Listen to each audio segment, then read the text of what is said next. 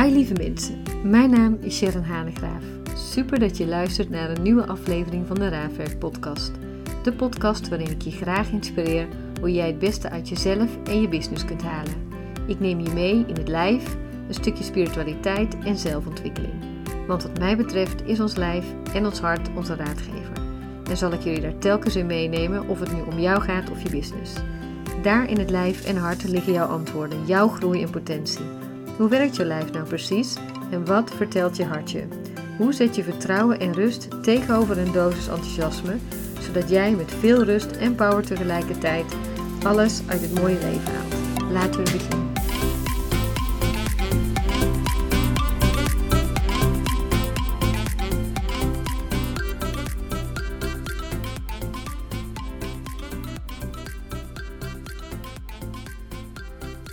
Hi lieve allemaal, wat super fijn dat je weer luistert naar de podcast. Ik voel me heel dankbaar dat je er bent. Ik zeg het heel vaak, ik blijf het ook zeggen. Ehm, want het helpt mij om telkens deze podcast op te blijven nemen en zulke lieve berichten van jullie te krijgen. En ook zo richting te geven in alles wat ik doe. Want omdat ik mag delen wat ik doe, omdat ik mag delen wat ik zelf elke dag leer en dat ik je daar elke dag ook weer in mee mag nemen. En over kompas gesproken, daar gaat deze podcast over. Ik las namelijk echt een hele mooie zin en dat is: hoe dichter je bij huis komt, des te beter weet je de weg. Dus nog een keertje, hoe dichter je bij huis komt, des te beter weet je de weg. En daar gaan al onze opleidingen over. Het gaat telkens weer over thuiskomen in jouw verhaal, thuiskomen bij jezelf, thuiskomen bij je hart, in je lijf, bij je intuïtie, in je vakmanschap, in jouw professie, in je business. Elke keer weer, hoe kan ik thuiskomen? En ik heb afgelopen vrijdag natuurlijk een podcast geplaatst over jezelf durven zijn. Daar gaat dit ook over. Het gaat ook over jezelf kunnen zijn. Uh, en daardoor steeds meer thuiskomen, omdat je niet meer hoeft te verbloemen wie je bent. Omdat je volledig mag zijn wie je bent. Omdat je van jezelf houdt. Zelfliefde is daar zo'n groot onderdeel van. Uh, al is het niet bijna 100% zou ik zeggen. Maar het kompas vraagt je elke, elke keer weer om terug te gaan over wat jouw richting is in jouw leven. Of je de juiste kant op gaat.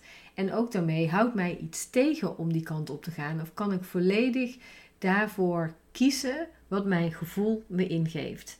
En luister ik daarbij naar mezelf of um, ben ik erg, ergens bezig met de verwachtingen en behoeften van de mensen om me heen? En kan ik dat dan loslaten en nog steeds voor mijn eigen leven kiezen? Dus wat wakkert jouw passie aan? En um, als je een pad voor je ziet, als je een heel helder doel hebt, dan kan je ook zonder dat je met de ogen van de ander bezig bent, die eerste stappen zetten. Die eerste stappen zetten waarvan jij voelt, hier moet ik naartoe gaan. En dan kan je ervoor gaan en laat je ook niet langer afleiden of sturen er buitenaf. Jouw kompas is jouw intuïtie en intuïtie is zo ontzettend sterk. Intuïtie leidt je door je te laten voelen of dat het klopt of niet klopt. Alleen gaan we heel vaak naar ons hoofd, omdat we dan net even iets anders willen, omdat we niet kunnen aannemen wat onze intuïtie zegt. Terwijl intuïtie echt onze innerlijke kompas is. Elke keer als wij een stap zetten, dan kunnen we continu blijven voelen: voelt dit goed of voelt dit slecht? Hoe mooi is het dat je ten alle tijden jouw innerlijk kompas hebt? Het geeft misschien niet een hele uitgestippelde routebeschrijving, maar het laat je wel zien de richting waar jij naartoe gaat, of dat dat klopt of dat dat niet klopt. Dus het geeft je de richting naar huis. Geeft je de richting naar thuiskomen bij jezelf.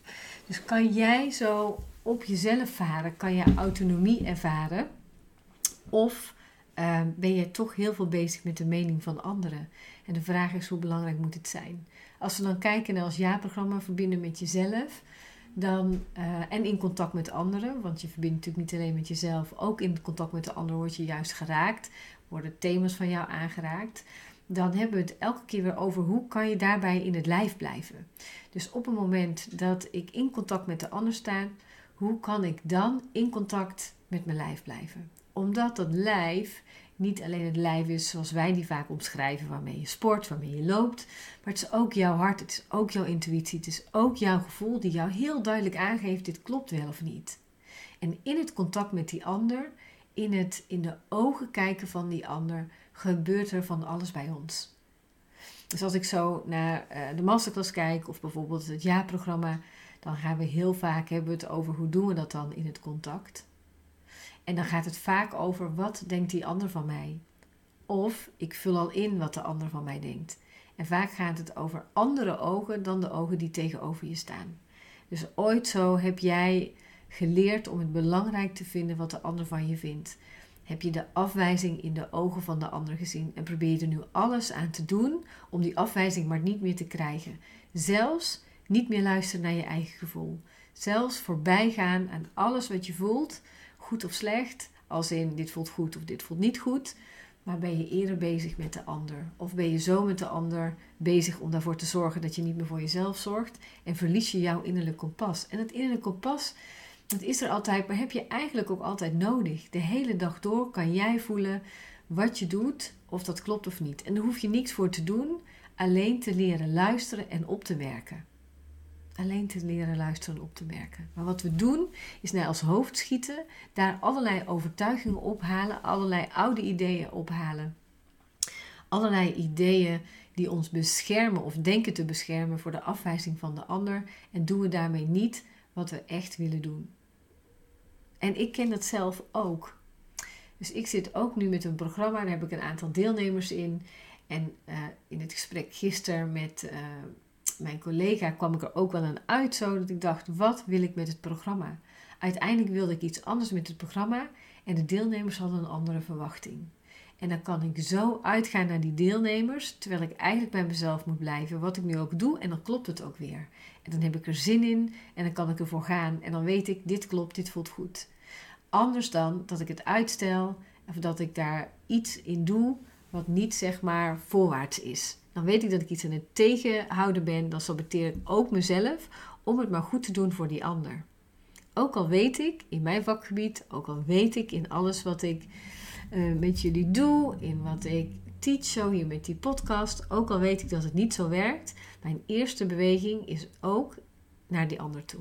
En dan heb ik de beweging terug te maken. De beweging terug naar huis en mijn eigen kompas te volgen. Mijn eigen kompas in mijn relaties, mijn eigen kompas in mijn werk, in mijn business. Elke keer weer. Dus de vraag is aan jou: kan jij luisteren naar jouw kompas? En zo niet, wat zet je daar dan voor? Dus wat zet je ervoor om er niet te hoeven luisteren naar jouw intuïtie, naar jouw gevoel, naar jouw kompas? Wat zet jij daarvoor om niet te hoeven luisteren, om niet te hoeven handelen? Wat zet jij ervoor zodat je jezelf kunt saboteren en niet ten volste alles uit het leven haalt? Wat zet jij daarvoor en hoe dient jou dat? Of althans, hoe denk jij dat jou dat dient? En zeker ook als je een business hebt, stel die vraag ook voor je business. Niet alleen voor jezelf, maar ook voor je business. Wat zet ik er telkens voor om maar niet te luisteren naar mijn gevoel, om er later achter te komen dat ik het waarschijnlijk wel had moeten doen, want zo werkt het dan ook. En dan gaat het ook over toestaan. Dus dan gaat het over toestaan dat dat gevoel er mag zijn en misschien loslaten van een ander idee. En dat is best spannend of lastig, want het heeft ook met controle te maken. Dus hoe kan jij, als je weet wat ervoor staat, dat oude idee loslaten? Wat heb je daarvoor te doen? En het is echt supergoed om te onderzoeken, omdat je zal zien dat je aan autonomiteit wint, aan authenticiteit wint, aan focus wint. Ehm, en dat je zeker business-wise heel veel kracht daarmee uh, gaat verzamelen. Door continu telkens te durven varen op jouw innerlijke kompas. En het is ook maar net hoe je het hebt geleerd. Mocht jij vroeger, wanneer je iets aangaf qua gevoel, daar ook naar handelen? Of zei iemand bijvoorbeeld dat je niet aan moest stellen, of dat het allemaal wel mee zou vallen, of wist iemand anders het misschien beter dan dat jij het wist?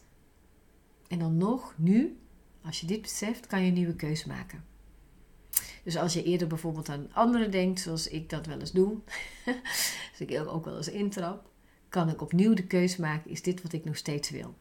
Of is dit de eerste beweging waar ik ook een nieuwe keuze op kan maken? En ik weet altijd dat ik er een nieuwe keuze op kan maken.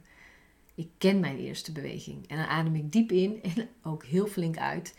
En dan heb ik dat ook weer los te laten, omdat ik weet dat het een oud stuk is. Dus hoe kan jij jouw innerlijk kompas volgen? Door te kijken wat je ervoor zet voor jouw gevoel, om er maar niet naar te hoeven luisteren. En wat of wie, want vaak is het ook wie, welke binding heb jij los te laten? En wat heb je daarvoor nodig? Dus welk lef heb je nodig om een nieuwe keuze te maken? Om een keuze te maken voor jezelf. En ook volmondig ja te kunnen zeggen op alles wat dan komen gaat. En in die volmondige nee is er een nieuwe opening voor, nou, wat dan ook, wat uiteindelijk veel beter bij je past.